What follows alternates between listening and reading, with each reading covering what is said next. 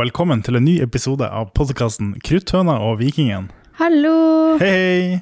Ja, det var lenge siden sist, Benjamin. Ja, det er altfor lenge siden sist. Jeg tror vi må ta en liten sånn kjapp oppdatering på hva som har skjedd. Ja, Eh, fordi at eh, denne episoden skal egentlig handle om spørsmål som er sendt inn av følgere fra Snapchat-kontoen min. mhm. Men før vi kommer dit, så er vi nesten nødt til å komme med en liten oppdatering, sånn at man forstår eh, hva de her spørsmålene er knytta opp mot. ja.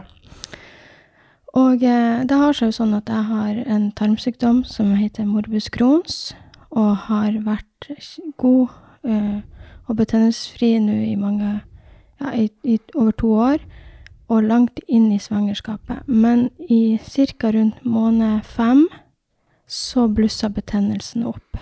ja. Og det er jo annet fordi at du har slutta på medisinen din. Helt korrekt. Ja. Eh, og så eh, har vi jo bare kryssa fingrene og håpa på at eh, det skulle gå bra, at betennelsen ikke skulle blusse opp, og at jeg skulle føde og så begynne på medisin igjen. Men det har eh, dessverre ikke gått som vi ønska, og den har blussa opp igjen. Og det som er greia, er jo det at eh, den medisinen som jeg går på, er ikke forenlig med et svangerskap. Og jeg har ti års erfaring med denne sykdommen og prøvd ut alt av eh, medisinsk behandling som finnes i Norge, uten hell, helt til denne siste og nyeste medisinen som er på markedet. Og den er dessverre ikke forenlig med svangerskap, sånn at jeg har ikke noen andre alternative eh, medisinske behandlinger å støtte meg opp til med tanke på eh, at eh, det finnes andre muligheter som man kan bruke selv om man er gravid. Mm. Men de fungerer ikke på min eh, betennelse uansett. Så da har det handla om å bite tennene sammen, stå den av, holde ut og gjøre det beste ut av situasjonen. Og så har du jo i løpet av svangerskapet egentlig bare blitt verre og verre for hver dag som har gått. Eh, og så fikk vi jo nylig vite For det er jo sånn at du har jo operert i buken, så du har jo arrdannelse. Ja. Og så fant vi jo da ut eh, på en av de siste vekstkontrollene at det sannsynligvis er noen sammenvoksinger mellom det ytterste laget på tarmen og eh, buken, ja. som gjør at når, når magen blir større, så blir det her strekt mer og mer og mer. I tillegg til de arrene du har, så blir det strekt og strekt og strekt. ja. Og når det er arrdannelse, så er det ikke like elastisk som det vanligvis er. Eh, som da gjør at det blir konstant vondt. Alt er i strekk hele tida. Ja. Og jo større ungen blir, eh, jo tyngre blir jo denne belastninga mot det her vevet, i tillegg til at magen vokser, så huden strekker seg, som gjør at um, Ja, det er 24 timer med konstante strekksmerter, hvis jeg kan si det på den måten. Altså, jeg Mm. vet ikke hvordan jeg skal beskrive det. Altså, det kjennes ut som det river og sliter konstant. I tillegg til det her så er jo også tarmen din betent, og så er det jo press på den Ja. i tillegg. Alt det der var tydeligvis ikke nok, så i tillegg så må du jo også ha eh, at alle leddene hovner opp. ja. At du har smerter i leddene dine. Ja. Eh, heldigvis eh, så er det kun i fingerleddene og eh, vært anklene som har, som har hovna opp, da. Mm. Og da er det sikkert mange som tenker ja, men det er helt vanlig når man er gravid. Ja, men det er ikke, det er ikke sånn ødem. Jeg går ikke rundt med de pølsefingrene og har sånn masse vannsamling. Det er mer um, Det her har jeg hatt så mange ganger før når jeg har hatt betennelse i tarmen, og enten gått på en medisin som ikke har funka, eller gått og venta på at en ny medisin jeg har prøvd ut, skal funke. Da er det sånn at i tillegg til de tarmsmertene og alt problematikken med tarmen, så får jeg så sinnssykt vondt i leddene. Og det er en kjent, eh, kjent ting blant Crohns pasienter, at vi plages ofte med leddene våre òg. Og da, eh, i, i, praksis, så fungerer det sånn at fingrene mine stivner av. Mm. Altså de Jeg våkner på morgenen og klokka bøy på fingrene. Og sånn er det utover dagen. Altså, med en gang jeg ikke sitter og beveger litt på fingrene mine, som er kjempesmertefullt, eh, så stivner de av igjen. Så jeg klarer jo ikke å åpne bruskorker og sånn. Nei, du har jo veldig redusert klipestyrke i, i, i begge nevene. Ja. Ja. Som gjør at eh, de siste månedene har vært s- smertelig tøff. Men jeg må virkelig eh, gi en shout-out til deg, Benjamin. For det er nå én ting at jeg står i de smertene, men du har jo måttet tatt på så mye mer ansvar. Herregud. Altså, du Det her handler ikke bare om at du måtte lage mat og sånne ting, men det er alt ifra å brette klær, vaske klær eh, Skift på senga, altså de minste ting som man ikke tenker over at man kanskje er to om, det har du måttet ha gjort. Jeg har alt som er litt tyngde i, i form av, av gjøremål, er så ondt for fingrene. Men så er det også vondt å bevege seg pga. magen, så jeg klarer ikke å stå oppreist så lenge, for det blir så tungt mot vevet og tarmene. Så du har jo virkelig, virkelig fått fulltidsjobb, både altså i tillegg til å ha en vanlig fulltidsjobb. Mm. Og ikke minst ta vare på Vilma òg. Men eh, det skal jo sies at du gjør jo mer enn det du burde ha gjort. Sjøl om at jeg gjør noe ganske mye, så er det jo sånn at du skal jo aller helst slappe av. Du skal jo ikke gjøre så mye, egentlig. Og senest i dag så sa du sånn eh, Benjamin, du gjør 90% av tingene, så jeg må jo få lov til å gjøre én ting. Da skulle jo absolutt eh, ryd, Hun rydda hele skapet i dag. ja, ditt klesskap. Ja, min del av klesskapet. Hun tok ut alle mine klær, Mm. sorterte dem og bretta dem og satte dem inn i skapet igjen. Ja, jeg holdt på å bli gal i hodet mitt. Og det gjorde hun ikke bare for å være snill, det var for å rydde plass, for at vi får, skal ha mer plass til, til eh, Ja, lillemor sine ting i skapet, da. Det er jo en baktanke, fordi at jeg vet at vi trenger litt mer plass til lillemor sine ting, og da vet jeg at hvis jeg organiserer skapet ditt, så blir det plass. Og eh, nå har det seg sånn at jeg er i uke 38 og har brukt veldig, veldig, veldig mye tid i sofaen og senga. Så nå er det blitt sånn at når jeg, jeg har to doser om dagen med smertestillende, når jeg tar de, så blir jeg i OK form. Og istedenfor å da ligge i senga og slappe av eller på sofaen, sånn som jeg har gjort, så er jeg desperat. Jeg er desperat etter å få gjort noen ting. Altså føle at jeg er litt, altså litt med i hverdagslivet og i, i, med tanke på forberedelse av at hun kommer. Eh, For jeg er redd for å bli deprimert, for det har gått så lang tid nå der jeg har vært helt, helt inaktiv. Og eh, da benytter jeg meg den timen der jeg har minst vondt, som er etter etter smertestillende. Og da tenkte jeg i dag, nå jævlor, nå må jeg bare gjøre det. Altså, det går på ren viljestyrke. Så nå er det gjort. og Jeg føler meg så mye bedre mentalt. Og så har jeg jo igjen ligget i tre timer på sofaen på sånn halvgråt og vært skikkelig smertepåvirka. Men eh, ja nå kommer hun snart, så nå tenkte jeg at nå kan man ofre litt. jo, men altså, man, man blir gal av å bare ligge i ro og ikke få gjort noe. Særlig når jeg ser du ordner og styrer. Ja, Som dere skjønner, så har det vært eh, noen tøffe måneder. Eh, veldig tøft for Camilla, men tøft for meg òg, som har stått i det. Eh, men nå er det heldigvis ikke lenge igjen. Ja, nei, nå er det ikke lenge igjen, og jeg kjenner det skal bli så ubeskrivelig godt å bli kvitt de her smertene, og få henne ut, få møte henne, få begynne på medisiner igjen, og bare kjenne at jeg lever. Jeg kjenner at vi lever. Ja. Så hva du sier, det tenker jeg er nok oppdatering. ja det tenker jeg òg er nok, nok i dybden. Ja. Um, skal vi bare starte med spørsmålene? Det kan vi godt gjøre. Ja. Denne gangen så har jeg spurt eh, følgerne på Snapchat om de har ting de lurer på i forbindelse med svangerskapet. Og jeg har spesifisert at jeg ønsker eh, litt spørsmål knytta til han Benjamin. Ja, spennende. Ja, så jeg tenkte vi skulle begynne med de spørsmålene som går til deg. Ja. Hva tenker Benjamin om egen rolle under fødselen? Å, spennende.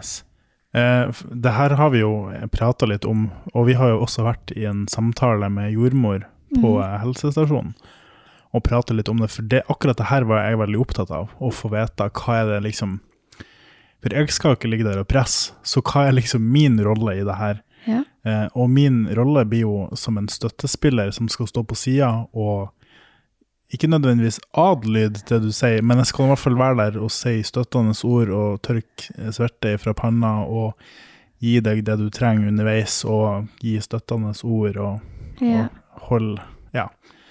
Eh, og ut ifra sånn som jeg har forstått det, så er det vanligst å stå oppe ved din side da, under fødselen. Ja, jeg tror at du kommer til å takle den rollen veldig godt, og selv om det kan hende at jeg oppi alt det her kommer til å være sånn Nei, jeg vil ikke ha mer klut i panna, eller Jeg vil ikke ha vann. Og så går det tre sekunder. Jo, gi meg vann. Så tror jeg du kommer til å takle det kjempebra. Ja, det blir, jeg i hvert fall tror det blir veldig spennende, for jeg, jeg har jo hørt at det, de, altså forskjellige kvinner um, takler jo fødselen på forskjellige måter. Nei, ikke takler, men de, de er veldig forskjellige. Jo, det kan du si. Jo, jo, ok, eh, de takler forskjellig, men de er også veldig forskjellige på hvordan de reagerer i forhold til å ta imot hjelp eller Ja. sånne ting underveis. da. Så jeg er jo forberedt på at hva som helst kan skje. Ja. Så jeg går inn med et åpent sinn om eh, liksom å være Jeg må bare være til, tilbøyelig på alle mulige måter underveis. Ja, og i, eh, i den samtalen fra selve føden, når jordmor ringte og hørte på om vi hadde noen tanker om hvordan vi ønska å ha det, som, som hun skulle skrive ned i journalen, Mm. så var det jo det samme at du ønska liksom å få beskjed underveis da hvor du Hvis jeg flyttes på, eller altså Nå skal du gå litt på en prekestol eller noen ting, at du blir inkludert og sier sånn Ja, da kan du gå og stryke på ryggen samtidig, og Ja, for vi, vi begge er jo litt opptatt av å ha kontroll over situasjonen, og eh, der er jo jeg også veldig tydelig på at jeg ønsker, som du sier, bli litt geleida underveis, fortell hvor, hva, hvor skal jeg stå, hva skal jeg gjøre, Ja. eh, og at de er veldig tydelige på det, for det er viktig for meg at jeg ikke, altså ikke føler at jeg står på sidelinja og ikke gjør noen ting, men Ja. at, jeg har en, at jeg har en aktiv rolle i det, på Ja. en måte. For jeg tenker jo at man fort kan føle seg handlingslamma som partner. Ja, det tror jeg absolutt. Ja.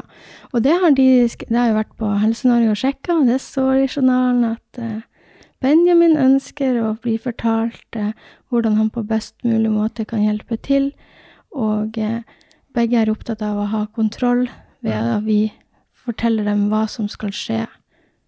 Så det, det blir jo veldig spennende. Mm. Eh, over til neste spørsmål. Lurer på hvordan Benjamin selv tror han blir som far. Blir han typ verdens mest chille pappa, eller blir han den som vurderer balltre når lillemor begynner å date? Ja, det er et veldig godt spørsmål, og det er jeg litt spent på eh, sjøl. For på en måte så tror jeg at jeg kommer til å bli en veldig kul og forståelsesfull far, men samtidig så tror jeg at jeg er litt, litt overbeskyttende. Ja, hvis det, hvis det blir litt lik sånn som det er overfor meg og Vilma, Ja, så blir det nok litt overbeskyttende.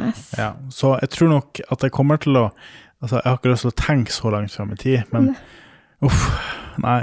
Men jeg, jeg tror bare at jeg kommer, å, kommer nok til å være liksom litt skeptisk i starten til, til hvem som helst som kommer inn den døra. Ja. Um, men sant, jeg er jo uh, Tenkte du på da av, dem- av, i forhold til kjærestepotensial, eller alle? eh, Nei, i forhold til kjæreste, da. Hvis Ja. jeg sa Ja. altså, Ja, det er bra du er.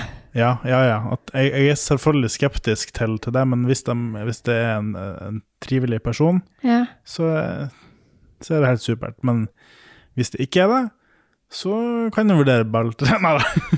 Og Jeg liker at vi er veldig sånn kjønnsnøytrale. Ja, ja. Jeg, jeg tenkte over det, jeg skulle ikke si eh, at det er en gutt, for det, det vet man jo aldri. Nei. Å, herregud, jeg elsker verdiene dine. Helt fantastisk, Benjamin. Ja. Eh, veldig Da, da vet vi det at det blir ikke balltre, men jeg blir litt sånn skeptisk frem til at man blir kjent med personen som hun lillemor vel å date. Ja, så her kommer neste spørsmål, og eh, det går sånn her. Hvordan tanker har du, Benjamin, rundt igangsettelse av fødsel, og at dere har en dato og spesifikk klokkeslett å forholde dere til? Og hva tenker du, Benjamin, om at du ikke får være med ifra starten, og må vente hjemme frem til jordmødrene sier at det er greit at du kommer. Oi, det var mange spørsmål. Vi kan jo først eh, begynne med å si at ja, det her med igangsettelse, for det her nevnte vi jo ikke innledningsvis. Nei, det gjorde vi ikke. OK, skal Ja, OK. Det, det gjorde vi jo ikke. Eh, det har jo blitt sånn at eh, pga. denne smerteproblematikken jeg har, og at det ikke lar seg smertelindre i, i noe stor grad, for å si det sånn, eh, så eh, har de bestemt for å sette meg i gang. Og eh, det har jo vi fått en dato på. Vi har jo ikke fått en sånn klokkeslett, men vi har nå fått en dato på det. Og eh, nå har jo vi vært forberedt på den datoen helt til vi har fått beskjed om at vi kanskje må til Bodø, og da blir jo den datoen forskjøvet litt. Hvis det blir at de bestemmer seg for at nei, det her må heller skje i Bodø. Mm. Men jeg tenker vi kan ta utgangspunkt i at hvordan forholder du deg, Benjamin, til denne første datoen? For at hvis det blir sånn at vi kan føde på Mo, Mm. så er det jo den vi må forholde oss til. Ja. Og hva tenker du om, om det, da? Eh, For det første, i forhold til igangsettelse, så syns jeg det jo er litt skummelt og litt spennende. Um, og, og eh, grunnen til at det skjer, er jo fordi at du går rundt og har så vondt at man ikke vil la det gå ut uh, til termin, og i hvert fall ikke etter. Uh, fordi at man vil jo ikke at du skal gå fri for overskuddet overskudd og komme inn til fødsel og være helt utmatta, fri for energi og ikke klar for fødsel på noen slags mulig måte. Så det er jo derfor man ønsker å ta det tidligere.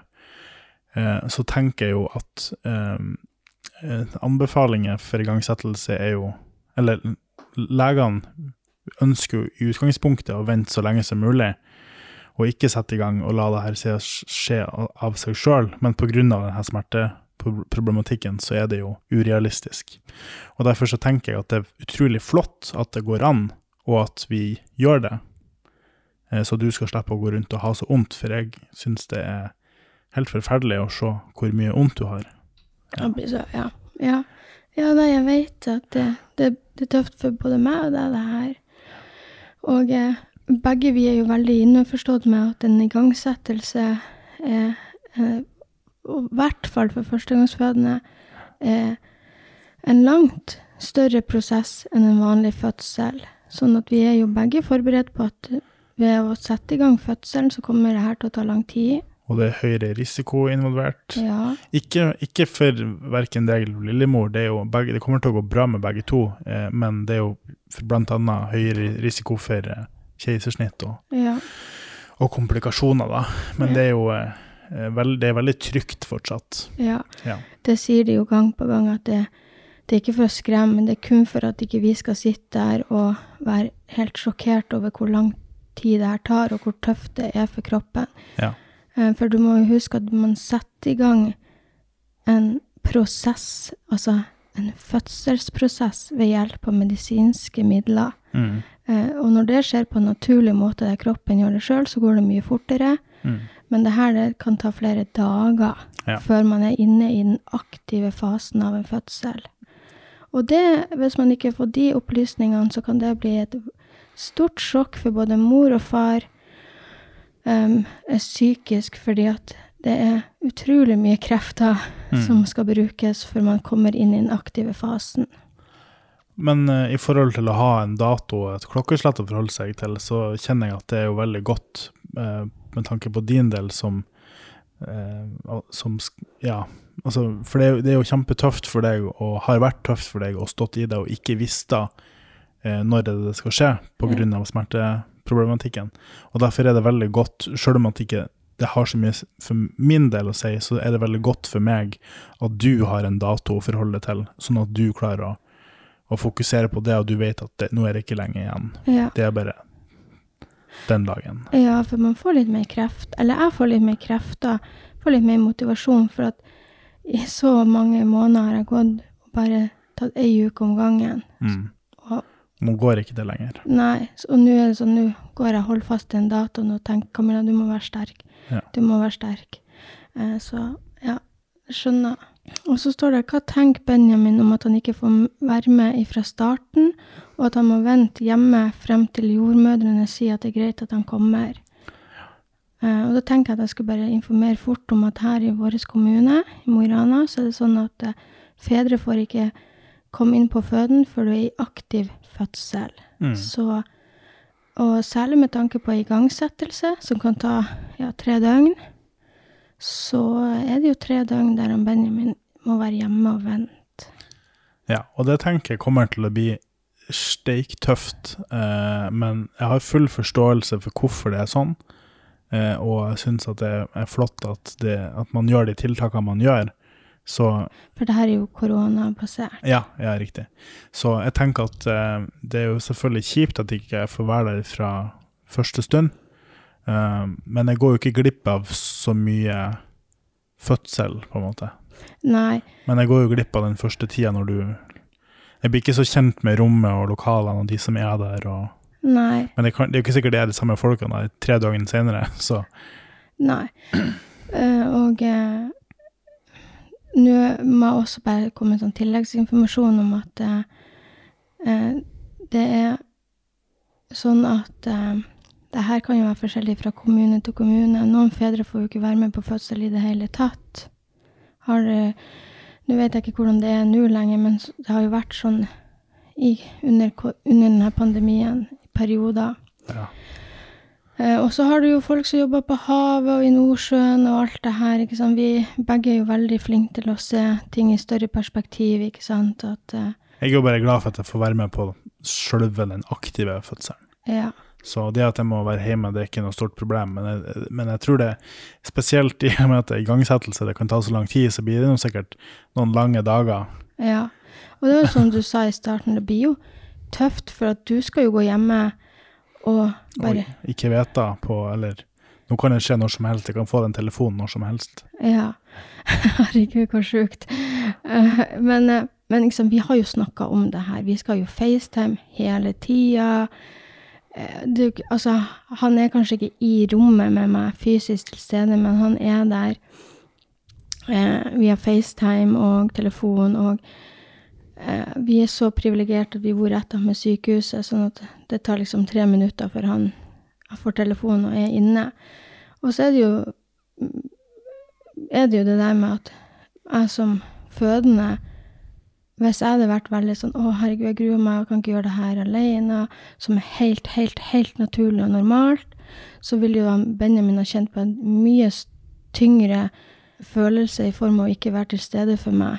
Mens nå er jeg veldig trygg på situasjonen ved å være alene, fordi at jeg stoler såpass på jordmødrene, og eh, jeg har vært på sykehuset i fem måneder, innlagt, konstant, fem måneder alene, da jeg ble operert og var alvorlig syk med tarmsykdommen min. Sånn at jeg har en ballast med meg som gjør at eh, tre døgn er ingenting mot fem måneder.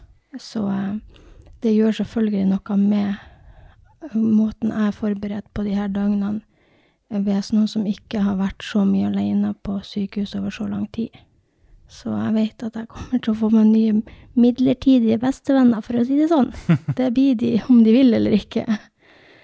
Og eh, ja, hvis vi drar til Bodø, så blir det en helt annen setting. Da får jo han Benjamin være lamma, for da- blir vi mest sannsynlig igangsatt og så liggende på sykehushotellet Mm. med faste sånn timeoppmøter.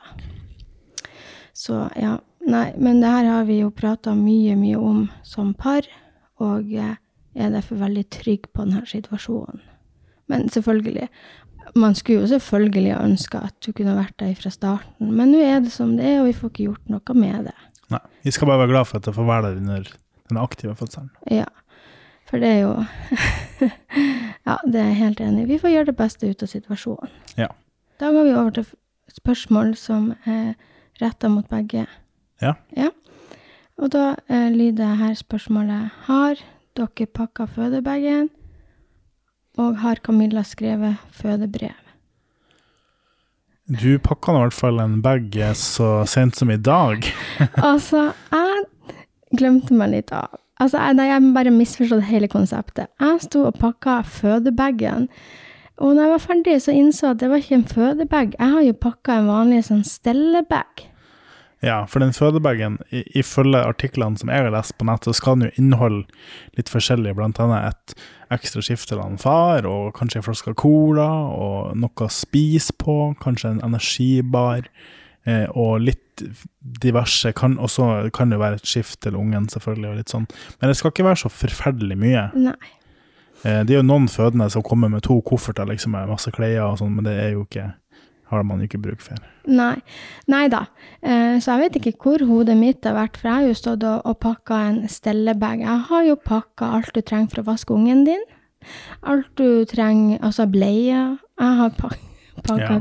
ja. Jeg tror de har alt det der på sykehuset. Ja altså. Jeg har til og med tatt med sånn badeolje. Jeg vet ikke, altså, Benjamin, du, jeg, jeg, jeg skjønner ikke hvor jeg har vært når jeg stod og pakka den her. Nei.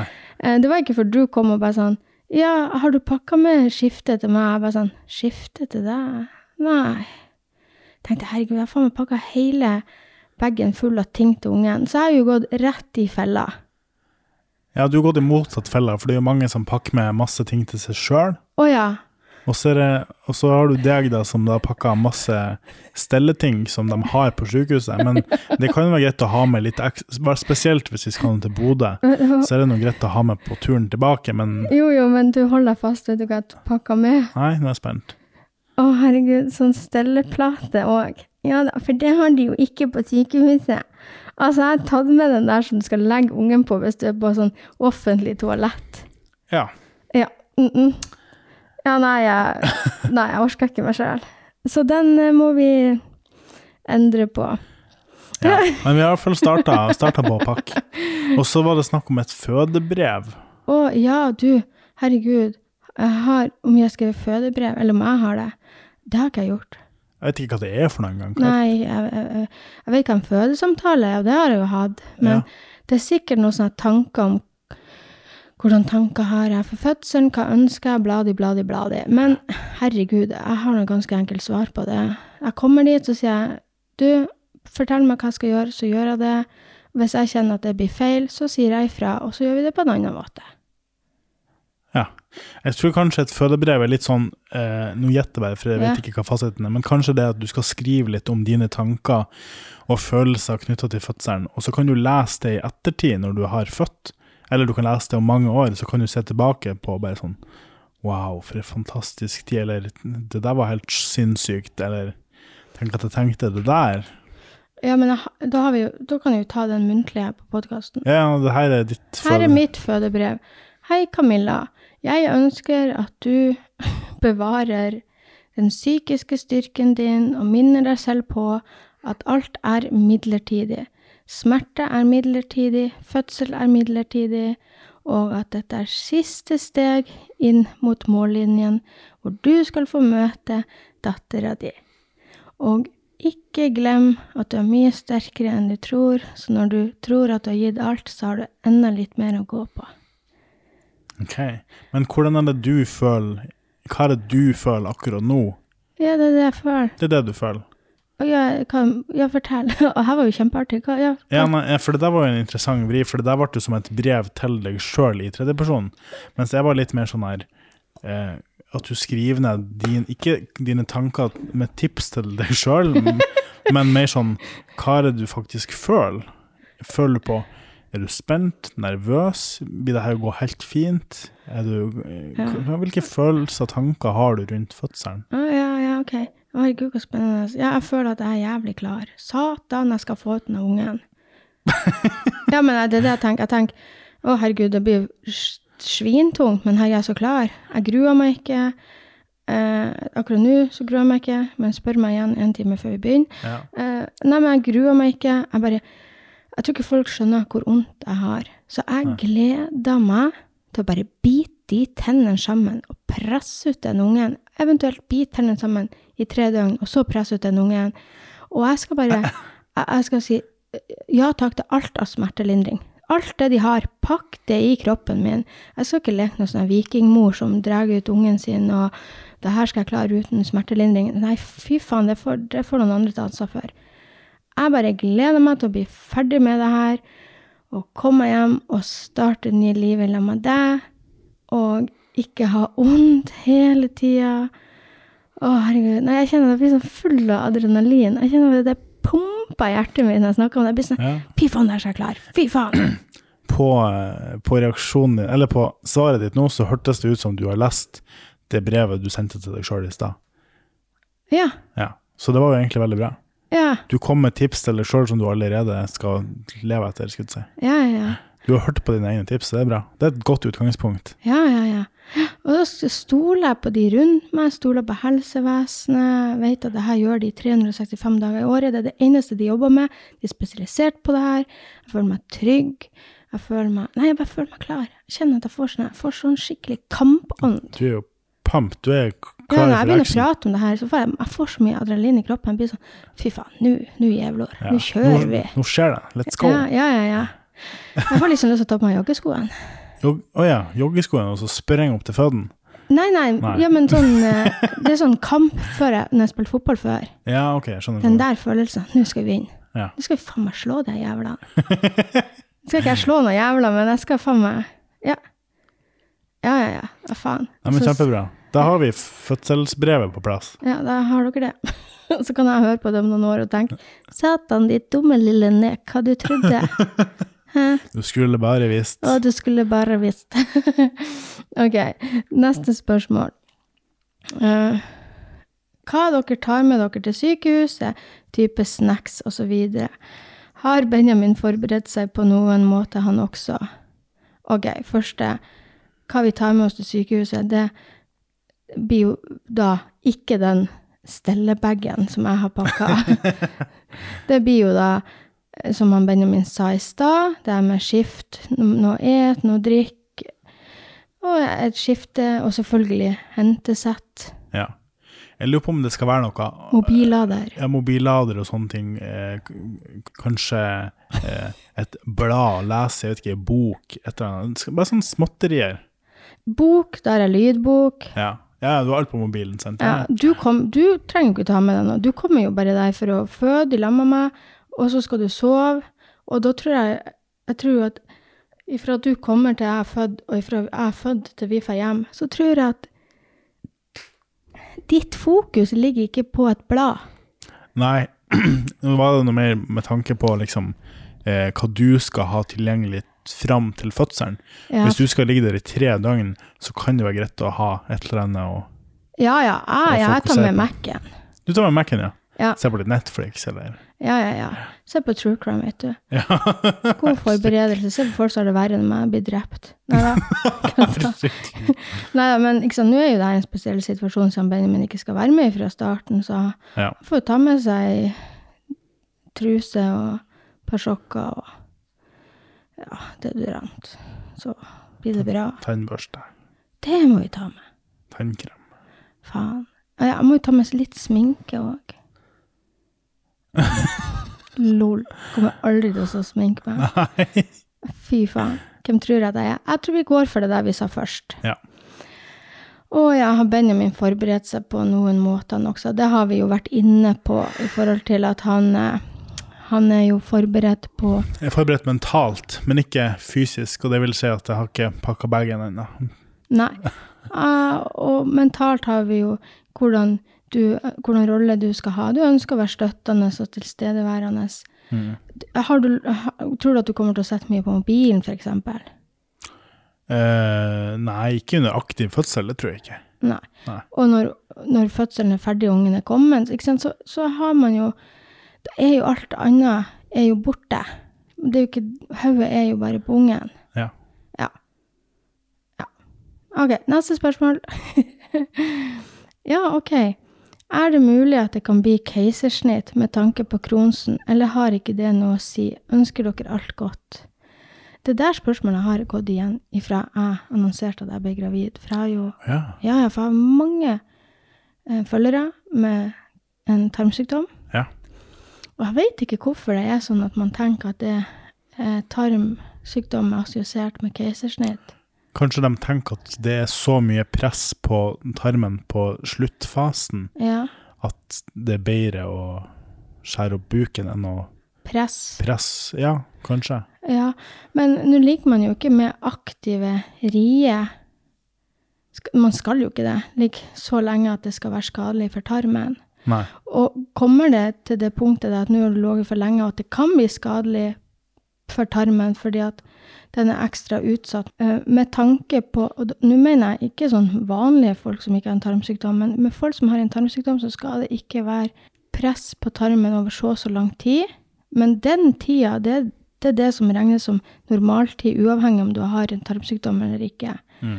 Men det som skjer, at hvis du har en tarmsykdom, og du kommer mot den makstida på hva som er sunt å ligge og presse og i forhold til å være i en aktiv fødsel, så skal terskelen være lavere for å sette i gang et keisersnitt enn hvis du ikke har en tarmsykdom. For det Mm. kan fremprovosere betennelse, eh, tarmslyng og masse andre ting. Mm. Men det er ikke noe man tar stilling til før Nei. man er rett før term, altså termin, eller man er på termin, og man Da kan man begynne å snakke om det her. Da kan det være viktig at du som tarmpasient, i tillegg til å være fødende, tar opp det her med at i fødesamtaler at hvordan er det hvis jeg blir liggende for lenge med presseriet og det påkjenningene det er på tarmen? Hvordan forholder vi oss til det? Da vil jeg ha en konkret plan. Mm. Ikke sant? Det, det er en oppfordring til deg som vurderer å bli gravid og ha en tarmsykdom, å ta opp de spørsmålene. Ja. Men det skal ikke være noe problem. Nei. Så kort svar på spørsmålet. I utgangspunktet så er det ikke noe kjempemye høyere eh, sannsynlighet for at man må ta keisersnitt. Men i vårt tilfelle, med igangsettelse, så er det litt økt risiko. Ja, ja men, men vi er, står i en helt annen situasjon som Ja. ikke er normal. Så jeg føler at det blir sånn skremselspropaganda. Ja, ja, det vil du jo ikke holde på med. Nei, Nei. for da blir det sånn ja, ja, for jeg har faktisk økt risiko for eh, keisersnitt. Og hvis det blir keisersnitt og jeg har så mye arrdannelse i buken, så vet jeg ikke om at det er tr eh, Jo, det er jo trygt, men da er det best at du drar på et stort sykehus med tanke på at de skal skjære i arrvev. Hvis, det, hvis jeg gir sånne svar, da kan det fort bli sånn at alle som er blitt operert, tenker at å, jeg er i samme situasjon. Men det er du ikke, for det handler utelukkende om hvor mange operasjoner du har hatt, hvordan du er operert, er det kikkhull, er det åpen buk? Og jeg har hatt alle, hadde alle variantene, så jeg har en buk full av arrdannelse. Så det her er prekært kun ut ifra min situasjon. Det trenger ikke å gjelde noen andre som har blitt operert heller. Så sånn er det. Yes. Next question. Neste spørsmål. Ja, neste spørsmål. Hvordan har det gått? Går det med sexlivet i graviditeten? Eh, det har merkelig nok gått veldig opp over all forventning. Ja, altså, jeg skal bare fortelle dere noen ting. At den beste smertestillende, altså for meg i hvert fall, er jo en orgasme. Og det er jo forska på òg. Er smertelindrende. Så når man ikke har så mye smertestillende eh, å gå på, så må man jo bruke det naturen kan gi deg. Og da har jeg jo en mann som stiller villig, opp, villig opp og hjelper til. Men, men en må huske at med så mye smerter og så er det noe når man begynner å bli veldig gravid og alt det her. Og ikke minst at hun Fiffi hovna opp, og gud hjelpe meg, altså. Det vet jo du, altså. Det, det, blir, det blir trangt inni der. I hvert fall har jeg opplevd det, og jeg har også venninner som har opplevd det. Så, og det er helt normalt. Eh, Så må det brukes god tid, sånn at hun Fifi blir ordentlig, ordentlig klar, for at det ikke skal bli eh, smertefullt, for det er jo som sagt hov, hov, det er jo det er mer sånn ødemaktig. Det er ikke hoven som et sår, men det er trangt, og da må man bruke tid. Og, ja, og sex er jo det mest naturligste vi har, altså som, som partnere. Det er jo altså, altså Man kan jo sitte og snakke om gravid opp og ned i mente, men å snakke om sex skal være kjempeflaut. Det var jo sånn man ble gravid. Ja, det er sant. Så ja.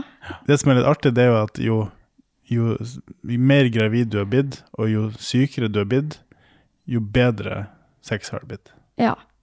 Man må ta så utrolig mye forholdsregler og tilrettelegging som gjør at eh, ja, det blir, det blir fint. Det blir bra. Det blir, det blir bra. Og mor blir nøyd. Ja, ja, veldig. Ja, men herregud, kan du tenke dere å være pårørende og ikke kan gjøre noen ting for å lindre smertene, og så har du én mulighet. Ja, da griper man den med alt man har. Ja, det hørtes jo helt sjukt ut. Grip, det hørtes ut som grip tak i fiffi og bare Nei, men dere skjønner, herregud. Sex er fint året rundt. I hvert fall Jeg tror vi runder av der med det, så tar vi neste spørsmål. Ja, det høres bra ut. mm. Neste spørsmål er da, er det noe dere mangler med tanke på ting til lillemor kommer? Um, det eneste Nå har jeg akkurat fått bestilt en sånn her flaskesterilisator, så Ja. det er på tur. Det var det siste som jeg kom på som vi mangler. Ja.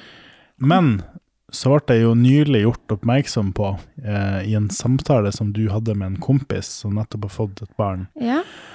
at det kan være lurt å ha eh, en del flasker, for det går jo fort en seks-sju Ja? i døgnet, kanskje mer òg. Eh, og jeg tror vi har to, nei tre, kanskje.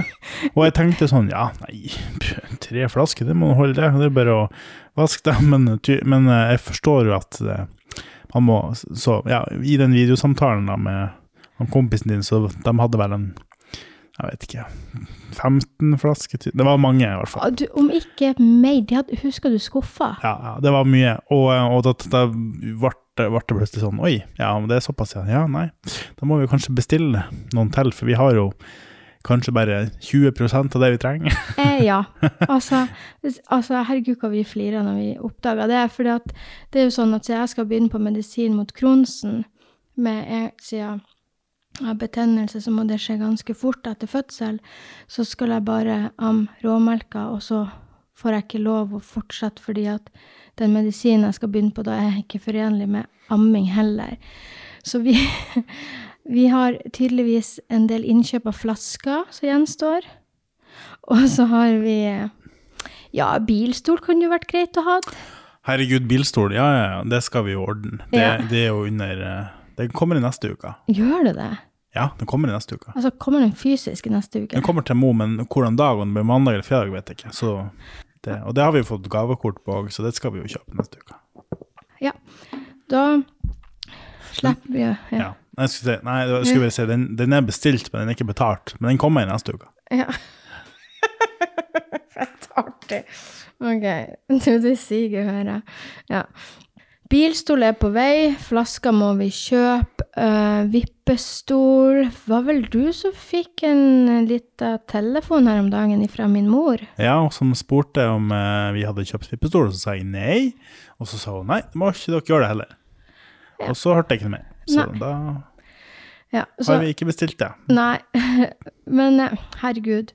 Det er sikkert masse vi mangler, men vi har vært litt sånn eh, Vi vil lære å kjenne henne. Men jeg tror vi har alt grunnleggende på plass, Ja, ja. bortsett fra mange flasker. Eh, Ja, ja, det er jo litt å, herregud. Mat. Ja, ja, ja. Så, ja, ja. Morsmelkerstatning mangler vi. Ja. Eh, sprinkelseng etter hvert. Altså, det er jo masse, men, Ja. men det er jo ikke alt man trenger nå.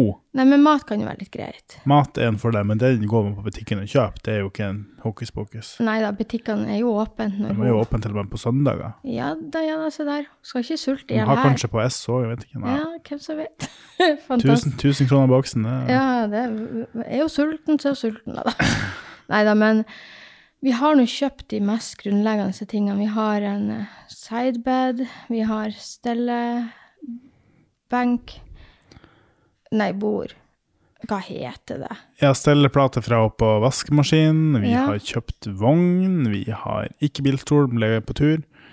Ja, vi har nå klær og bleier og stelleutstyr. Vi har nå alt det som vi tror vi trenger, og hvis det er noe vi mangler, så finner vi det ut underveis. Ja. Ja. Altså, vi har jo til og med sånn babygym. Med noen sånne her fancy matter under. Nå har vi begynt å få leker og, og Ja, vi fikk jo leker. få leker fra forskjellige, og vi har kjøpt sånne her eh, matter fra på gulvet, Ja. som skal være under den her, kalte det for babygym, den man ligger oppå. ja. Ja, okay, ja. Ja. Så hun, hun har Badebalje. Ja, det har vi jo òg. Vi, vi har jo masse Benjamin. Ja, nå kan han ikke. Vi har sånn bære...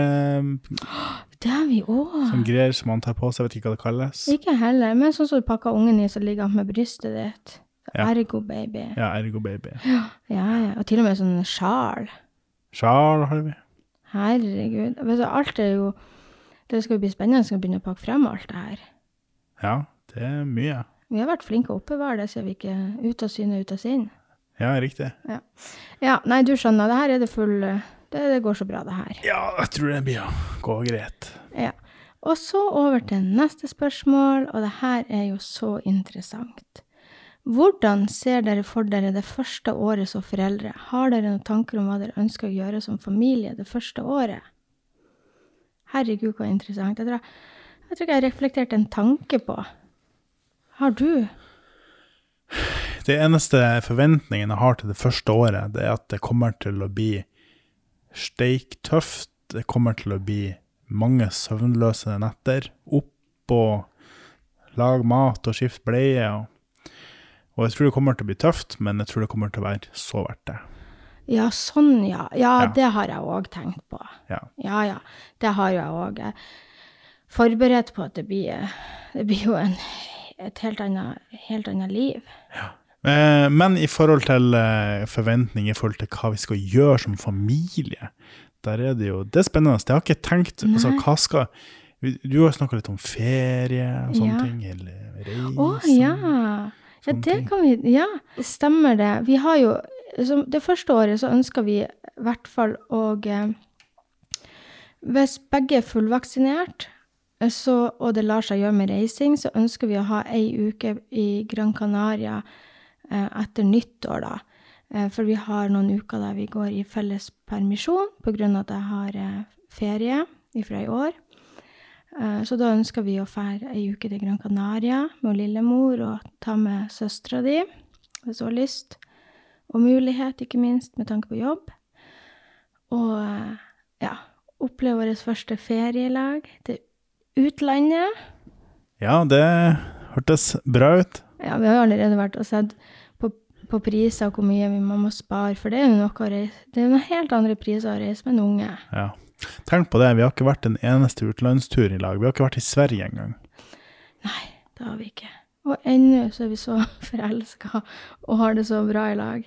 Jeg hadde gått på veggene hvis jeg skulle ha tilbringt så mye tid med et annet menneske whatsoever eh, av pandemien. Men med deg så har jo det bare vært ja, det har jo vært livets gave å kan dele all den her jo, jo, men det har vært eh, Det har vært lett å være hjemme, så mye hjemme, med en person som deg. Så jeg tenker at vi Og særlig med tanke på for en reiseperson jeg er til vanlig, Ja. har jo som regel to utenlandske reiser i året. Vi ønsker i hvert fall å ta ei utenlandsreise. Ja, Hvis det lar seg gjøre. ja. Med tanke på korona. Ja. Og ellers er det noe opplev... altså, Det kommer jo sikkert til å bli eh, altså, Hva gjør man med en baby? Det er jo ikke så veldig mye til fart. Det blir noe masse trilleturer, og det blir noe på besøk. eh, det er mine foreldre, dine foreldre. Garantert masse turer til Bodø. ja.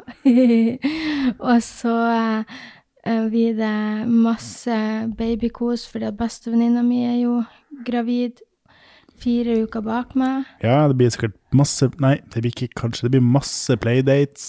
Playdates med babyer som bare ligger og ser på hverandre. Ja, det blir, det blir bra. Ja. Uh, Sprelleparty. det blir sprelleparty. Og så, ja Det blir ikke- Prøv å komme inn i rutinene. Det tar nå sikkert en tid, det, å komme seg inn i nye rutiner. Så skal jo du bruke masse tid på å komme deg til hektene og skulle si Å, herregud, ja, stemmer det. Jeg skal jo bli frisk av betennelsen. Og, Du skal jo bli frisk, og du skal jo gro eh, diverse greier inn i magen og ja. Ja. komme deg tilbake til det normale. Det tar jo noen Det tar jo, noe, tar, tar jo en stund, det. Ja, medisinen funka jo ikke over natta. Nei. Nei, gud. Ja, nei, det blir spennende. Jeg tror vi er veldig her og nå, begge to som personer, som gjør at vi er liksom Vi har nå planlagt en ferie, mens resten må vi nesten ta litt på dagsform. Og så er vi jo veldig Vi er jo en typisk kjernefamilie. Vi, vi har ikke, treng, vi har ikke så behov for å gjøre som å fære hit og dit for å ha det bra. Vi trives nå veldig godt i hverandres selskap. Mm, absolutt. Så Ja, jeg vet jo ikke, jeg vet jo ikke hvordan det var mamma til en baby. Nei, det finner vi ut av. Det er ikke Ja. så lenge igjen nå. Nei. Det er siste innspurt. Ja, virkelig. Altså, fy flate pannekake. Men eh, er det noen flere spørsmål? Nei, Det er ingen flere spørsmål. OK, så okay. Ja. Nei, det blir kjempespennende, men det var veldig spennende spørsmål, fordi at eh, vi er så her og nå, og på grunn av alt som har skjedd òg, som å begynne å, å å planlegge noe sånn fremover, og det er så vanskelig å si, for det går så det, det kommer alt an på formen min og helsa mi, og jo, jo friskere jeg er, jo mer kan man gjøre, ikke sant, sånn at uh, det kan vi heller komme tilbake til når vi er når jeg har kommet litt mer i vater. Ja, absolutt. Jeg må bare skyte inn at eh, jeg syns det er så eh, artig og at det er så mange som syns det er så spennende å følge med, og at det er så mange som har så kule spørsmål, som er så interessert i å høre om svangerskapet, og hvordan det går med, med oss, og hva jeg tenker. Og det er kjempeartig at det er folk som er interessert i det. Ja, vet du, jeg, jeg blir rørt over engasjementet. Ja. Og så syns jeg det er så fint, for de får oss til å tenke på ting som vi sjøl ikke har tenkt på. ja. Og det er det ekstra artig. Ja, det er veldig artig. Ja. Nei, tusen takk, folkens. Takk for at akkurat du eh, har lyst til å høre på vår podkast, har lyst til å følge oss på denne reisen og er så støttende og heier på oss. Det betyr altså så mye, og det har vært en så stor og fin eh, motivasjon i denne tida her, eh, fordi at eh, man får så mye ekstra eh, styrke av å vite at det er så mange mennesker som har så lyst til at det skal gå bra. Mm. Så tusen takk for at du er du. Og det var vel det. Det var det spørsmålet jeg hadde for denne gangen. Hvis Ja. ikke jeg er helt i sånn eh, helt sement i hodet, så tror jeg jeg har fått gått gjennom alle spørsmålene. Ja, jeg tror det. Ja. Så skulle jeg til å si, jeg skulle sagt det innledningsvis at jeg håper dere har nytt denne episoden, for eh, fra og med neste episode så blir det vel barneskrik i bakgrunnen på hver en episode. Nei da, men neste gang så skal dere få høre fødselshistorien. Yes. Så da snakkes vi. Takk for i dag. Takk for i dag.